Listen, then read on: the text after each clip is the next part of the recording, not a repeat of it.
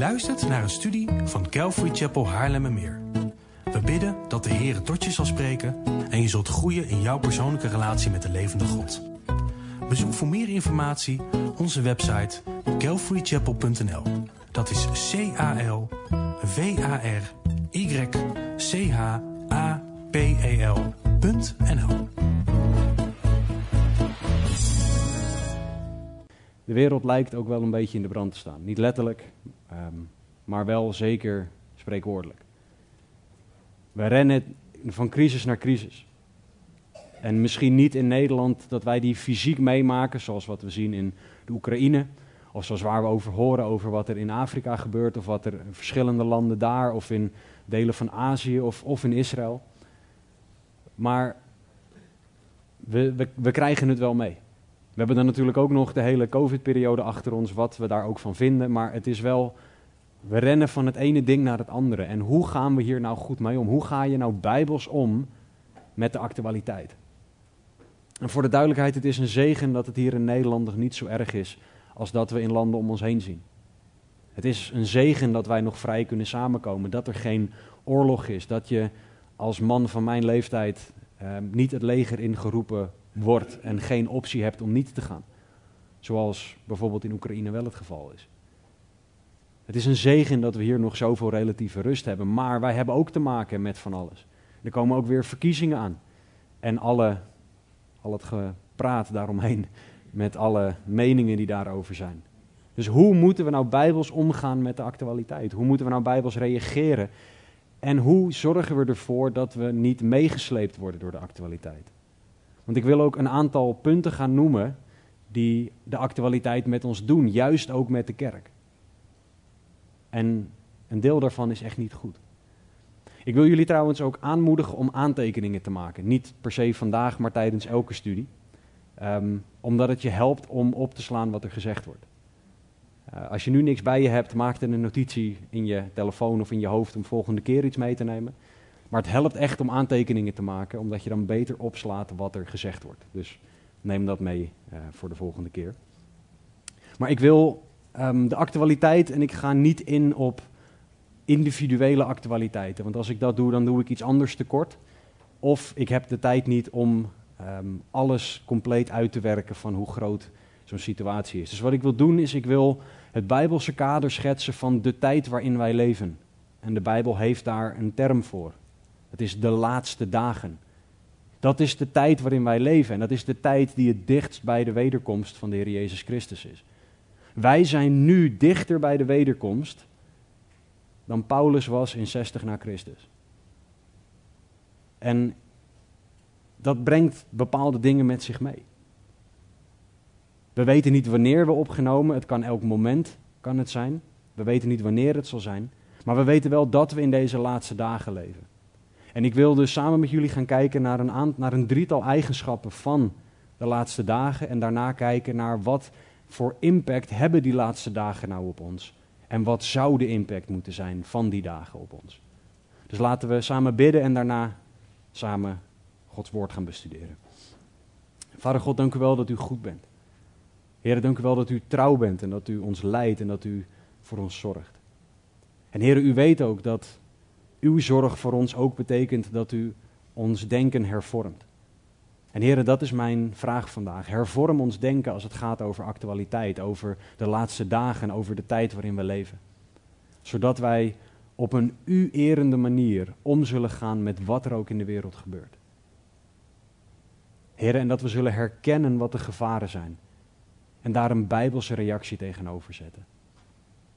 Heren, laat er geen woorden van mijzelf tussen zitten. Laat er alleen maar woorden van eeuwig leven gesproken worden. Zodat u, Heilige Geest, uw werk zal doen. Zodat u ons zal kneden, zal vormen, zoals we ook gezongen hebben.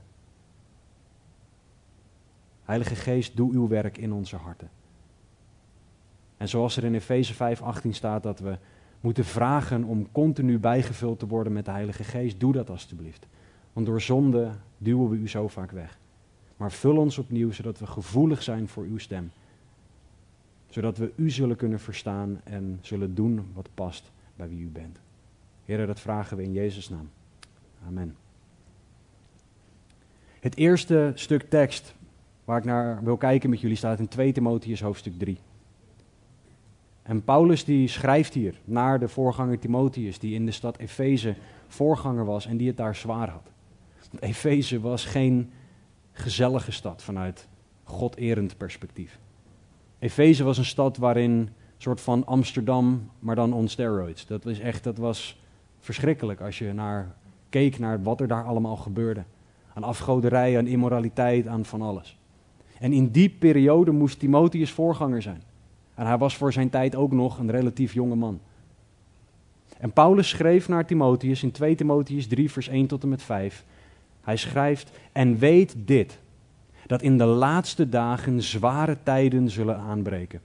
Want de mensen zullen liefhebbers zijn van zichzelf, geldzuchtig, grootsprekers, hoogmoedig, lasteraars, hun ouders ongehoorzaam, ondankbaar, onheilig, zonder natuurlijke liefde, onverzoenlijk, kwaadsprekers, onmatig, vreed, zonder liefde voor het goede, verraders, roekeloos, verwaand, meer liefhebbers van zingenot dan liefhebbers van God. Ze hebben een schijn van godsvrucht, maar hebben de kracht ervan verlogend. Keer u ook van hen af. Ik weet niet hoe het met jullie zit, maar dit omschrijft Nederland anno 2023 voor mij. Dit is wat we om ons heen zien. En jammer genoeg is dit niet alleen wat we alleen in de wereld zien. Jammer genoeg zie je ook steeds meer kerken, en soms moet je daar zelfs kerk tussen aanhalingstekens zetten, waarbij mensen liefhebbers zijn van zichzelf. Waarbij mensen geldzuchtig zijn, grootsprekers, hoogmoedig en gade lijst maar af. En we moeten beseffen als christenen dat dit de tijd is waarin we leven. En we moeten ons beseffen dat dit kwaad ook steeds heftiger en meer zichtbaar aanwezig is. Want waar Satan vroeger heel veel moeite deed om zijn agenda te verhullen, is dat tegenwoordig niet eens meer zo. Je ziet steeds meer dingen die gewoon openlijk genoemd worden. We zien dat mensen van zichzelf willen houden, want ze krijgen dat te horen vanaf een plek als dit. Je moet van jezelf houden. Eerst van jezelf houden voordat je van een ander kan houden waar geen bijbelse basis voor is. Mensen die opgeroepen worden om te zaaien met geld, want dan zal God je meer geven. Waarmee geld opeens het belangrijkste geworden is. En als je de lijst af zou gaan, en die tijd hebben we niet, want de lijst is erg lang. Maar je ziet al die eigenschappen. En men doet geen moeite meer om het te verhullen. Er worden niet eens meer slimme tactieken bedacht om mensen geld af te troggelen. Er wordt gewoon letterlijk om geld gevraagd. En om meer. Meer dan vorige keer. En je hebt pas geloof als je meer geld geeft. En de samenvatting van Paulus is als volgt in vers 4: dat ze meer liefhebbers van zingenot dan liefhebbers van God zijn. Dat is wat je uiteindelijk ziet in de wereld, maar ook in de kerk. Als kerk ontkomen wij niet aan de verleiding van al deze dingen. En laten wij ook niet te verwaand zijn om te zeggen: Ik ben hier niet vatbaar voor. Ik ben zo'n volwassen christen. Geen van de dingen in 2 Timotheus 3, vers 1 tot en met 5 heeft vat op mij.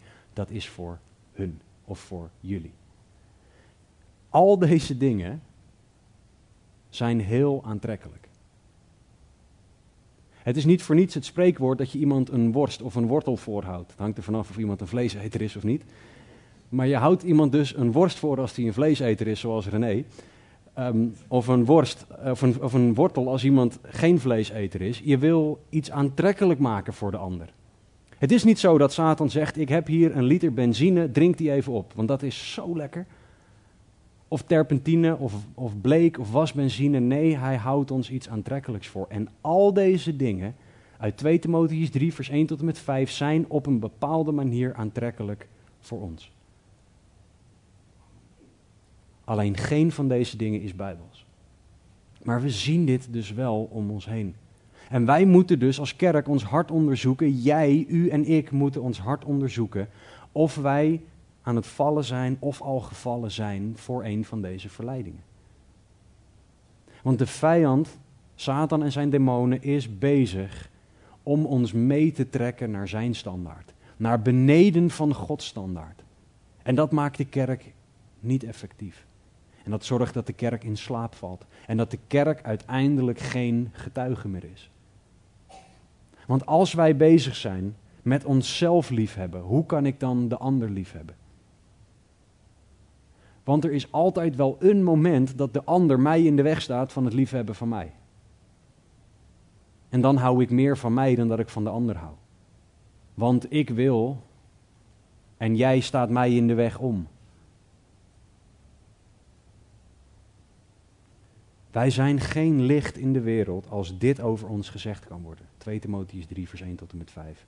Maar dit is wel de tijd waarin wij leven. Dit is de wereld om ons heen. Aan alles te zien. Dit is jammer genoeg ook in de kerk geslopen en wij moeten biddend voorkomen dat het in ons eigen hart, maar ook in onze gemeente sluit. We moeten dan bereid zijn om elkaar hiermee te confronteren, elkaar liefdevol aan te spreken en elkaar terug te brengen, zoals we ook uit Galaten 6:1 horen. Terug te brengen bij God. Dus vraag God hoe jouw hart is. Is jouw hart meegegaan met de laatste dagen waarin zware tijden zijn? Of is jouw hart dicht bij God? Zware tijden die veel kenmerken hebben is het eerste waar we de huidige actualiteit, de huidige laatste dagen aan herkennen. Maar ook Jezus sprak over de laatste dagen.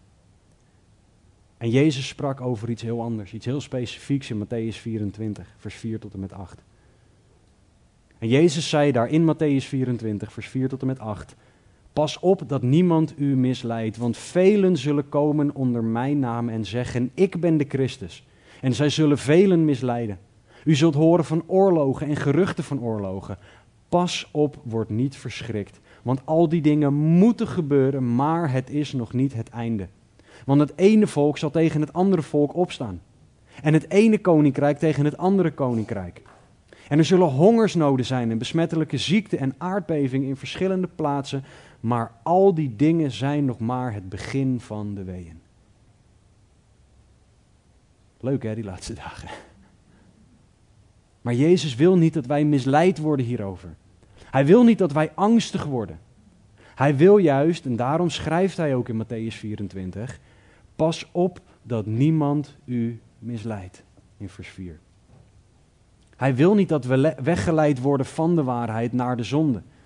Hij wil niet dat we in slaap gesukkeld worden over wat er allemaal speelt. En wat Jezus in deze profetieën noemt, zien wij ook weer letterlijk om ons heen gebeuren. Er zijn mensen die zeggen dat zij de Christus zijn, die velen misleiden. Er zijn oorlogen en geruchten van oorlogen. We zien het ene volk tegen het andere volk opstaan. Oekraïne-Rusland. We zien dat ook in Israël met de Palestijnen en wat er daaromheen verder nog gebeurt. We zien hongersnoden, hongersnoden sorry, besmettelijke ziekte, aardbevingen. Het is allemaal om ons heen. En we zien dat dit is zoals God het gezegd heeft. We leven in de tijd waarin profetie vervuld wordt. En profetie is soms een heel eng woord, maar het is gewoon een bijbels iets. Waarin God laat zien dat Hij weet wat er komt en dat Hij soeverein is die alles onder controle heeft. Maar als kerk moeten wij oppassen dat we niet misleid worden. Door alle media, door alle sociale media is er zoveel ruis. Is er zoveel, er is nooit stilte. Ik sta elke ochtend relatief vroeg op en ik vind het zo heerlijk dat het dan stil is in huis. Dat ik dan gewoon even kan zitten en dat er niet kinderen aan mij willen trekken, bovenop me willen klimmen en dat soort dingen. Of dat ik een terechte vraag van mijn vrouw krijg of gebeld wordt of voor mijn werk bezig moet zijn of wat dan ook. We hebben zoveel ruis waardoor wij misleid worden. Zoveel dingen die onze gedachten vullen, die onze mening vormen over wat er gebeurt. En wij worden daardoor zo afgeleid. We worden afgeleid van het liefhebben van God en van onze naasten, zoals in Matthäus 22 het eerste en het grote gebod is en het tweede gebod dat daaraan gelijk is. Heb de Heer uw God lief en uw naaste als uzelf. We worden afgeleid van heilig leven, want ik ben bezig met. Of ik wil zo graag dat. Of ik wil bereiken en daarvoor ben ik bereid om te zondigen. Of ik zet wat ik wil bereiken boven God. En een van de dingen die er het meeste bij inschiet in deze tijden waarin wij zo misleid worden, is de grote opdracht. De grote opdracht om de wereld in te trekken, discipelen te maken van alle volken, hen dopend in de naam van de Vader, de Zoon en de Heilige Geest, zoals Matthäus 28 ons dat leert. Maar deze dingen horen, bijbels gezien, niet onderhandelbaar te zijn. God en je naaste liefhebben, heilig leven, de grote opdracht. Daar hoort niemand aan te kunnen komen. Maar door de misleiding van deze tijd vervangen we van alles. Door het uitvoeren van deze dingen. Want ik ben bezig met. Want er gebeurt. Want ik hoor of ik zie of deze persoon heeft gezegd. Via sociale media of wat dan ook. En voor de duidelijkheid, dat hoeft niet alleen maar slechte dingen te zijn. Het kan ook zijn dat jij zoveel preken luistert dat je niet meer de capaciteit hebt om het te verwerken en er iets mee te doen. Het kan zijn dat jij zoveel goede podcasts luistert dat je hoofd zo vol is dat je niet meer de tijd hebt om het toe te passen naar degene die het dichtst bij zijn. En ga zo maar door. Worden wij misleid? Of doen wij de dingen die van God zijn?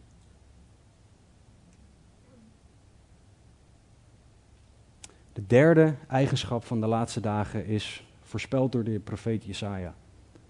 En je moet je bedenken dat dit duizenden jaren geleden gezegd is. En dat Jesaja woorden opschreef van God. In Jesaja hoofdstuk 5 vers 20 staat iets dat als je het hoort dan denk je dat is deze tijd. Daar staat Jesaja 25, wee hun die het kwade goed noemen. En het goede kwaad, die duisternis voorstellen als licht. En licht als duisternis, die bitter voorstellen als zoet. En zoet als bitter. Dat is deze tijd. Dat zijn de laatste dagen. Dat is wat normaal is in deze tijd. En dit is ook waarbij de kerk meegesleurd wordt.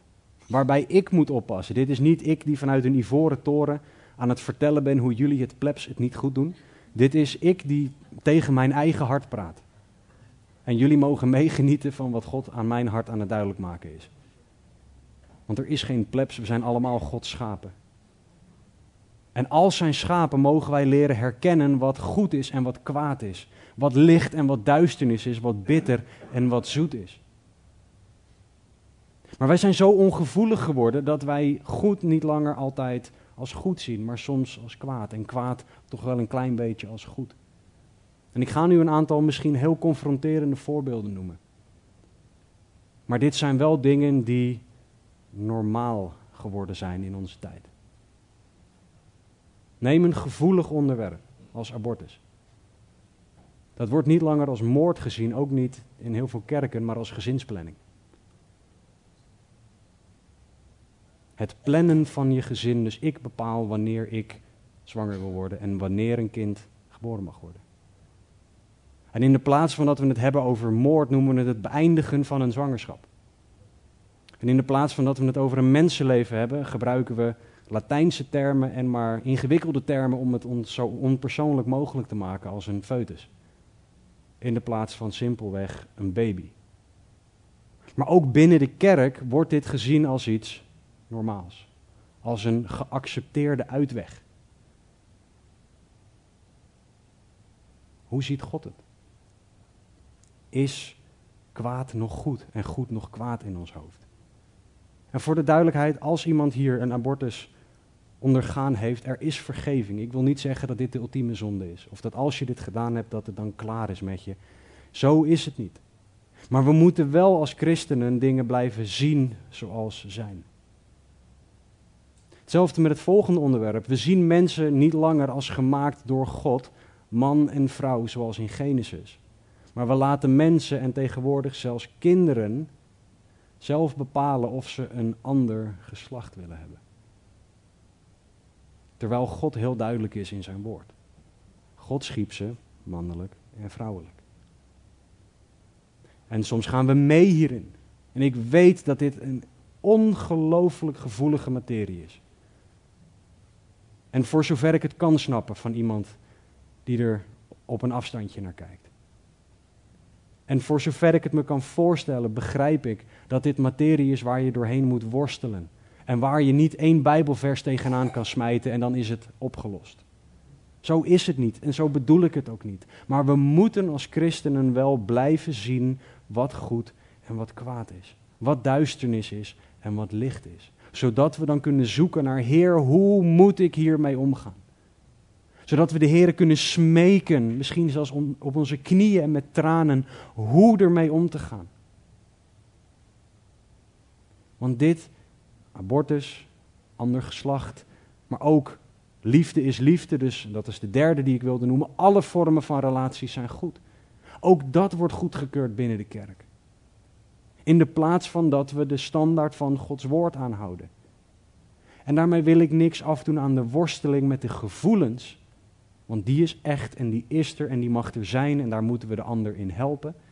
Maar we moeten als kerk wel een bijbelse positie innemen. We moeten ervoor kiezen om Gods standaard te hanteren. Wat tegenwoordig ook normaal is, is liegen. In de meest brede vorm.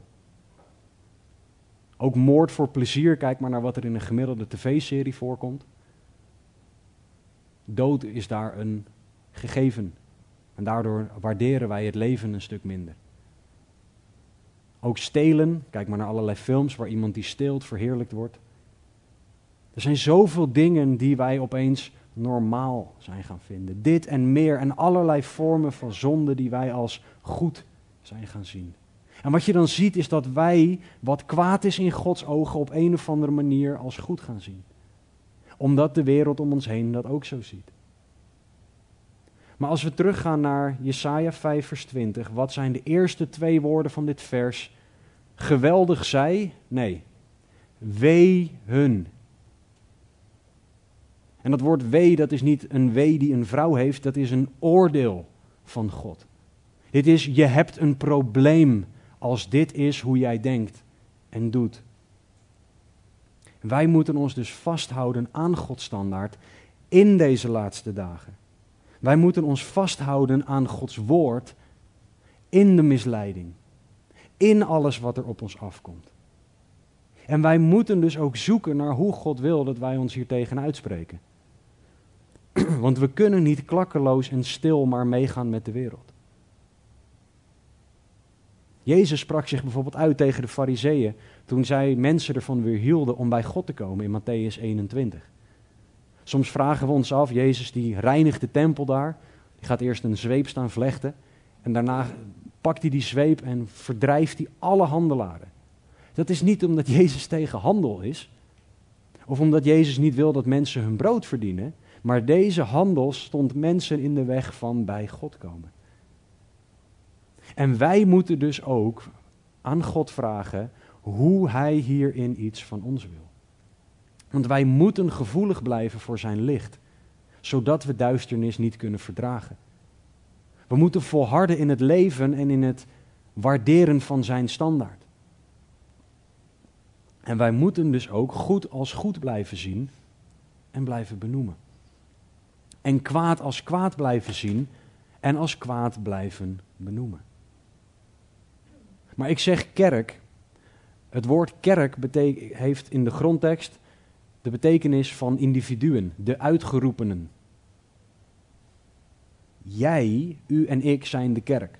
Dus als ik zeg dat de kerk een reactie hierop moet hebben, dan zeg ik, om het even te vertalen, jij, u en ik moeten hier een reactie op hebben, maar we moeten aan God vragen wat die reactie moet zijn. Misschien is het in een gesprek met iemand iets zeggen. Misschien moet jij wel degene zijn die op de dam gaat staan en iets zegt. Misschien ben jij wel degene die op een andere manier iets moet zeggen. Maar we kunnen niet stil blijven, omdat dat makkelijker is. Vraag God wat jouw taak is. We leven in de laatste dagen. We leven in dagen van veel misleiding. We leven in dagen waarin kwaad goed wordt genoemd en goed kwaad. En nogmaals, dat is niet makkelijk. En dat is ook niet leuk per se. Maar weet je wat? De God die dit toen schreef is dezelfde God nu. En is en blijft almachtig. En is en blijft alomtegenwoordig. Op die God mag je leren terugvallen.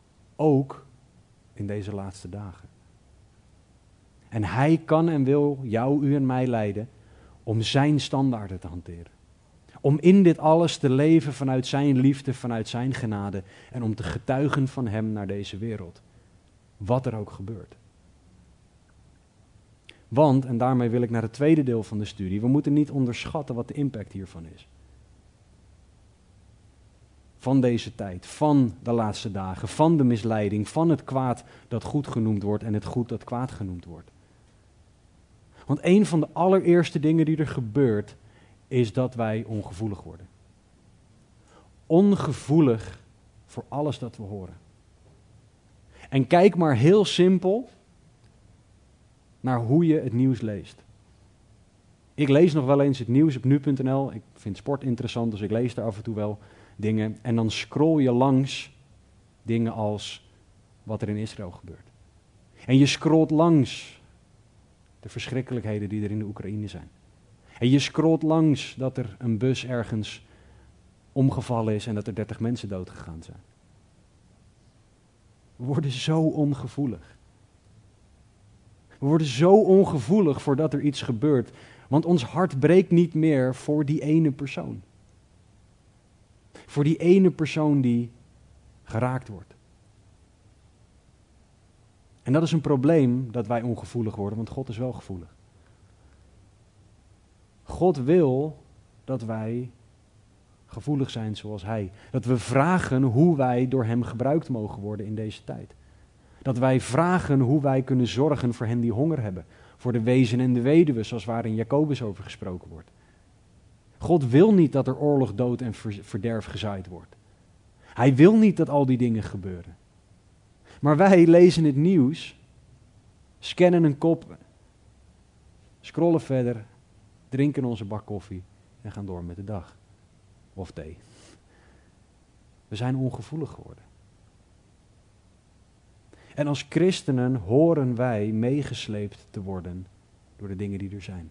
Niet doorgesleept met dat je alleen nog maar daarmee bezig kan zijn, maar het moet ons iets doen. Het andere uiterste is dat we vinden dat we op alles moeten reageren.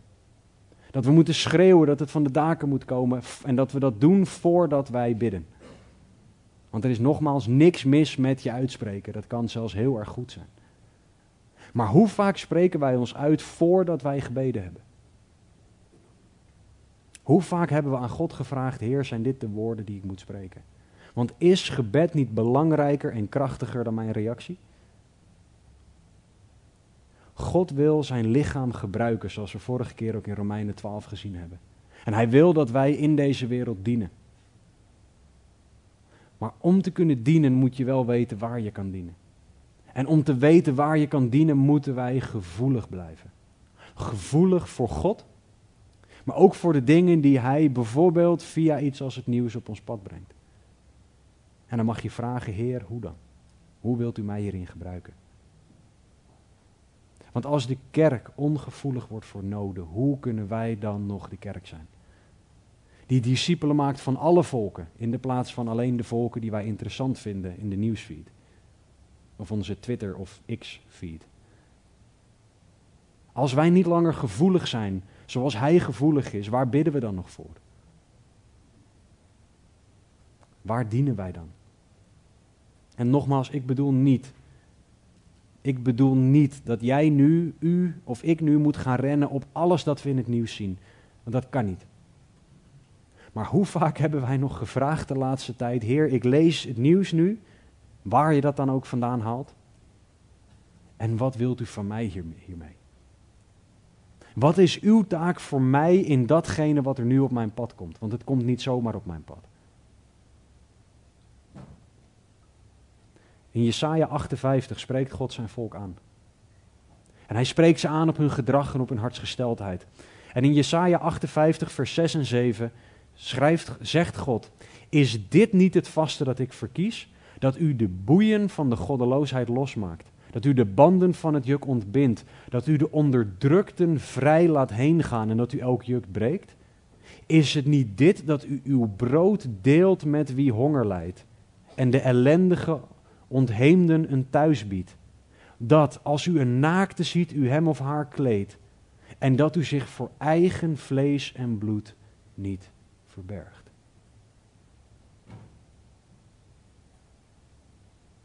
Hoe diep was Israël gezakt dat ze van God moesten horen? Dat ze hun brood moesten delen met hongerigen. Dat ze mensen die ellendig hun thuis verloren waren, een thuis moesten bieden. Dat ze een naakte moesten kleden, daar moesten ze aan herinnerd worden. En dat u zich voor eigen vlees en bloed niet verbergt. Hoe diep is de kerk gezakt? Dat God deze herinnering aan ons moet geven. God zegt dit tegen Israël omdat Israël schijnheilig was. Ze hadden alle goede woorden. Heer, ik aanbid u. Maar als mijn broeder voor de deur staat, ben ik niet thuis. Heer, ik hou van u. Maar ik hou niet genoeg van mijn buur als die naakt is om hem wat kleding te geven. Want dat is toch wel het derde setje kleding waar ik echt wel heel erg van hou op de dagen dat ik er zin in heb. Het is zo'n gevaar voor de kerk, voor jou, voor u en voor mij als wij ongevoelig worden. Als we vastzitten in ons eigen comfort, ons eigen denken en onze eigen bubbel. Hoe zit het met jou? Breekt jouw hart nog voor de dingen die Gods hart breken? Of breekt jouw hart alleen voor wat jou aangaat? Laat God jouw hart bewegen en laat God jou leiden om Hem te dienen. Het tweede wat er gebeurt, naast dat we ongevoelig worden, is dat we niet of niet meer bidden. Jacobus 4, vers 3 zegt: U bidt wel, maar u ontvangt niet, omdat u verkeerd bidt met het doel het in uw hartstochten door te brengen. Dus soms bidden we wel, maar zijn we eigenlijk alleen maar bezig met dat hele kleine hoekje van de wereld waarin mijn noden zitten. En als wij ongevoelig worden voor wat er om ons heen gebeurt, gaan we niet langer bidden naar zijn wil. In de plaats van dat we bidden voor de wezen en de weduwe, dat we bidden voor de vrede van Jeruzalem, dat we bidden voor onze overheid, zelfs al ben je het niet met ze eens, dat we bidden voor de kerk, gaan we bidden voor andere dingen. En begrijp me niet verkeerd, tuurlijk mag je bidden voor je eigen noden. Natuurlijk mag dat. Dat is niks mis mee. Maar als dat het enige is waarvoor jij bidt, dan is het niet correct. Wat heel interessant is en waar we nu geen tijd voor hebben, maar is Johannes hoofdstuk 17. En de timing van Johannes hoofdstuk 17. Johannes hoofdstuk 17 is het hoogpriesterlijke gebed, zoals dat genoemd wordt. Prachtig gebed.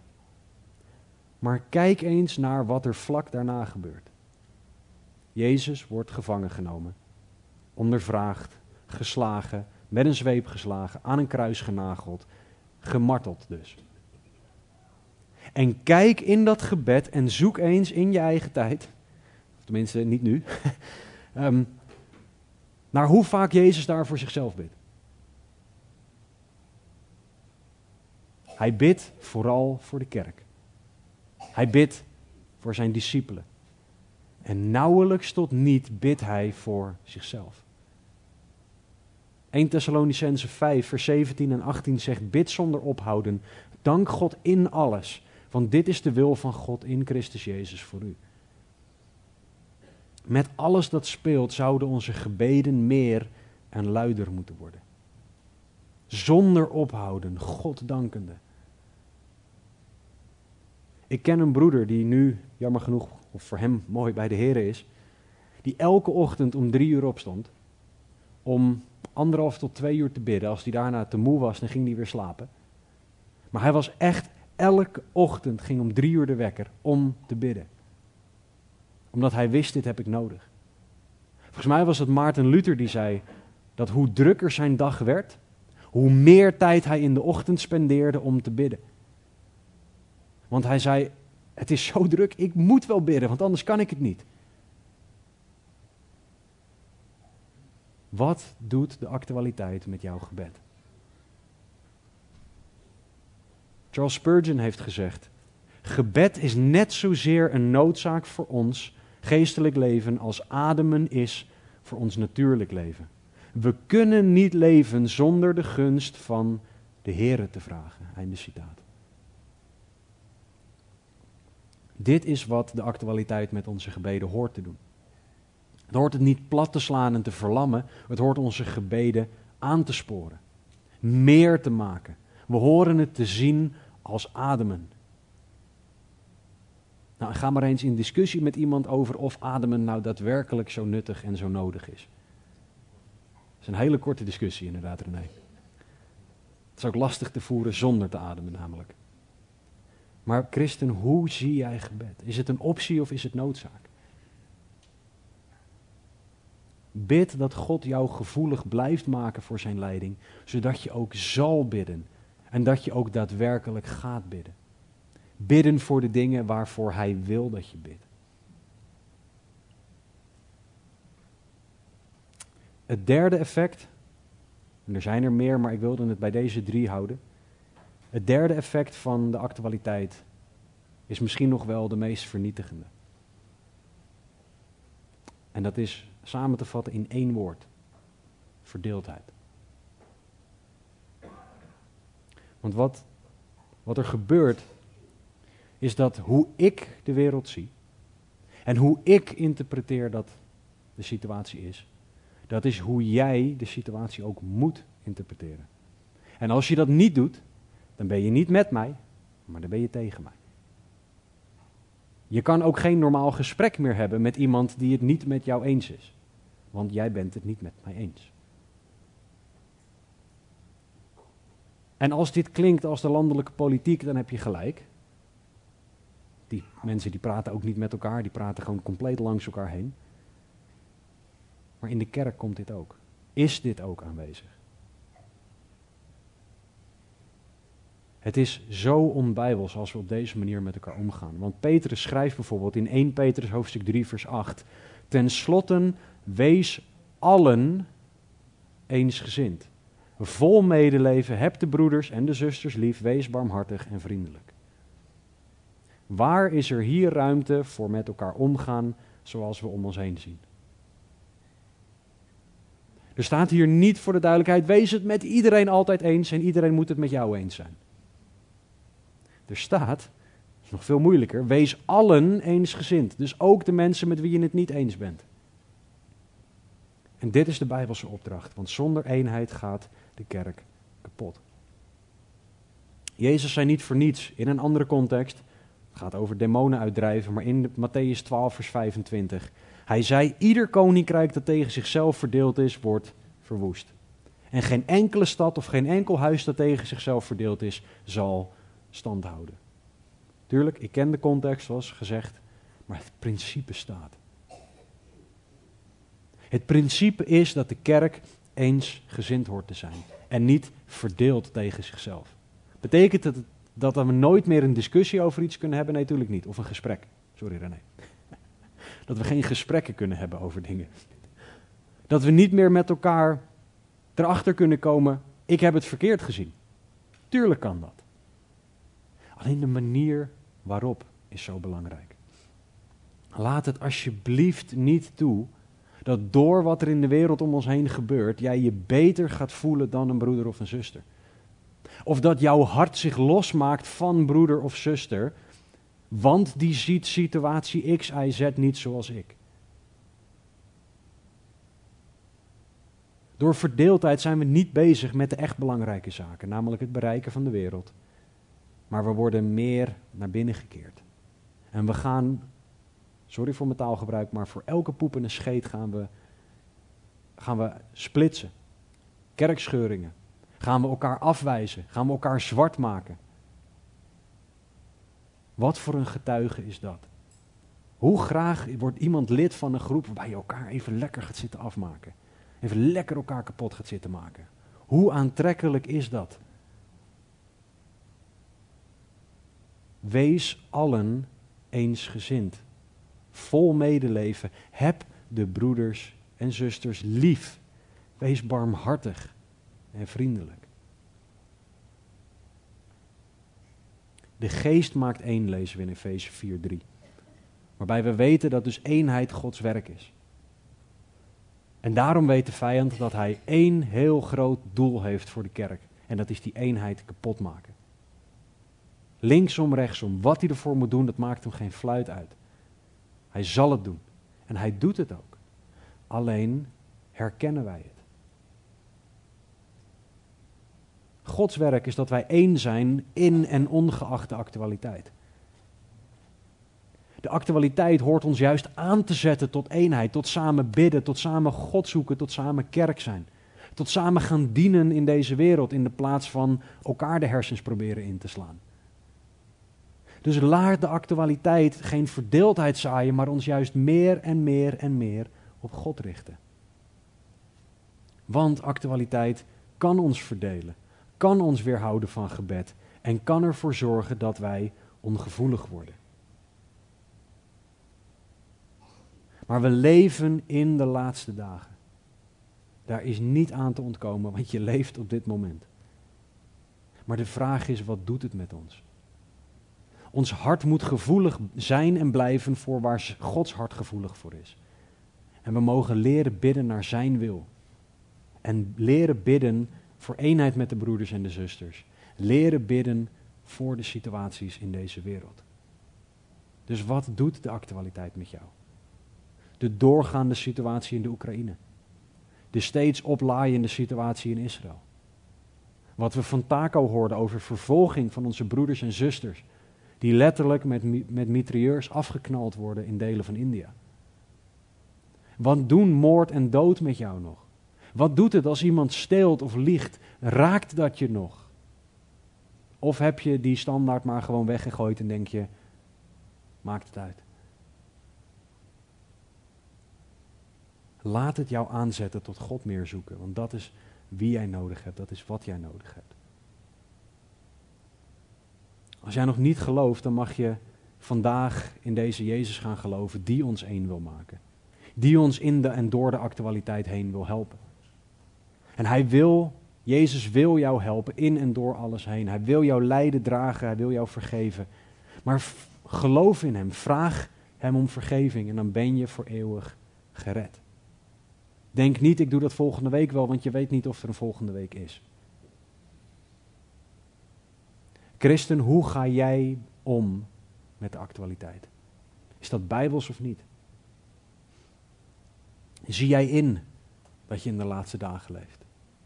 Zetten de actualiteiten jou aan tot Gods hart gaan leven naar mensen? Of heb je Gods hart niet eens voor de situatie? Zet de actualiteit jou aan tot bidden? Of verlamt het jou van bidden? Houdt het je tegen omdat je zo bezig bent met alles? Leidt de actualiteit jou tot eenheid met zijn kerk? Of houdt dit juist eenheid tegen? Reageer jij bijbels of niet op de actualiteit die we om ons heen zien? Laten we bidden. Heere God, wat bent u toch goed? Heer, want in dit alles, in de actualiteit, in de laatste dagen, in de misleiding, in de zware tijden, zoals Paulus het noemt, bent u God. En dank u wel dat we altijd kunnen terugvallen op u, dat we altijd ons vertrouwen op u kunnen stellen. En Heer, het is echt mijn gebed dat u op dit moment ons zal leiden. Heer, leid ons om te zien hoe we u zien. Heer, als er mensen zijn die u nog niet kennen, confronteer ze op dit moment met uzelf. Heer, stel ze voor de keuze om te geloven in u. En Heer, help ze om die keuze te maken. Heer, als, er, als we erachter komen dat de actualiteit ons te veel bepaalt, Heer, op de verkeerde manier, help ons dan om dat te beleiden en terug te komen bij u. Als het ons niks meer doet, help ons om dat te beleiden.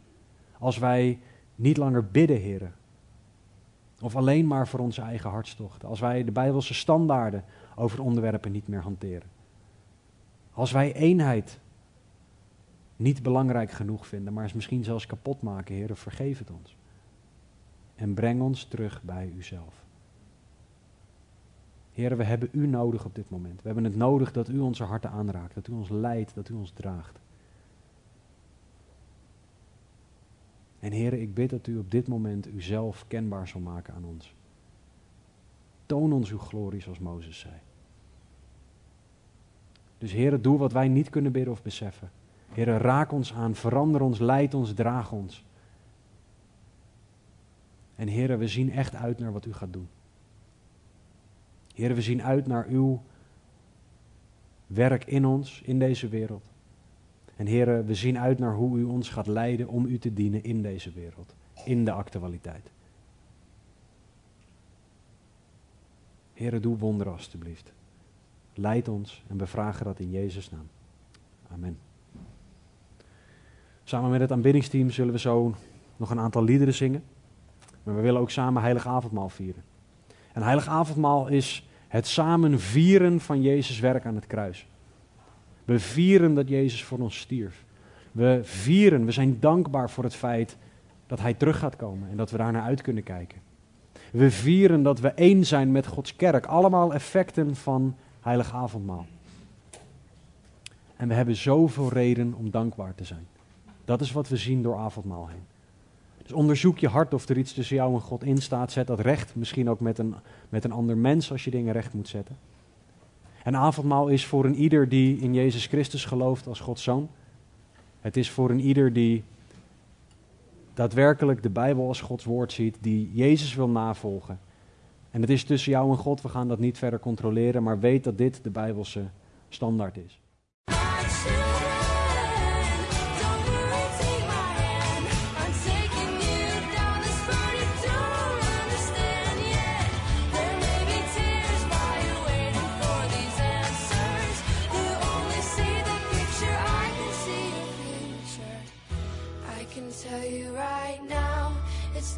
be all.